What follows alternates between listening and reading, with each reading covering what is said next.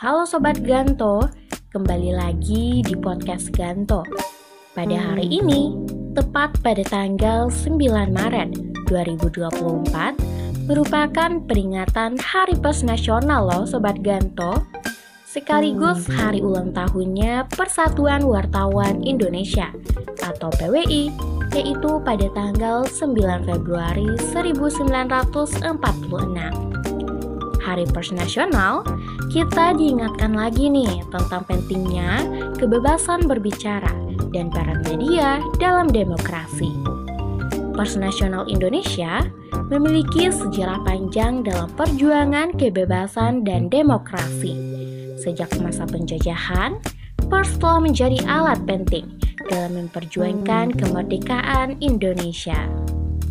Pers di Indonesia dimulai pada masa kolonial dengan terbitnya publikasi oleh pemerintah kolonial dan misionaris.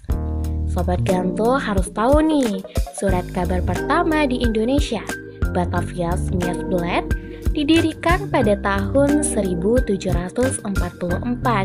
Namun, pers yang berbicara untuk kepentingan pribumi mulai muncul di awal abad ke-20 seperti Medan Prijaji oleh R.M. Tirto Adi Suerjo yang dianggap sebagai bapak pers nasional.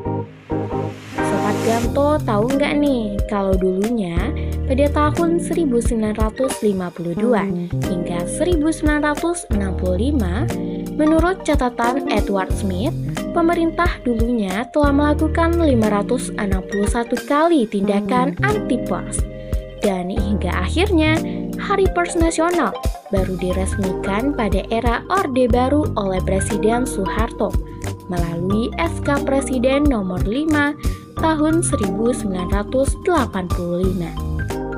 Mudah-mudahan Pers Nasional Indonesia makin kece nih Sobat Ganto dalam menyajikan beritanya dan selalu bikin kita update tanpa drama yang berlebihan.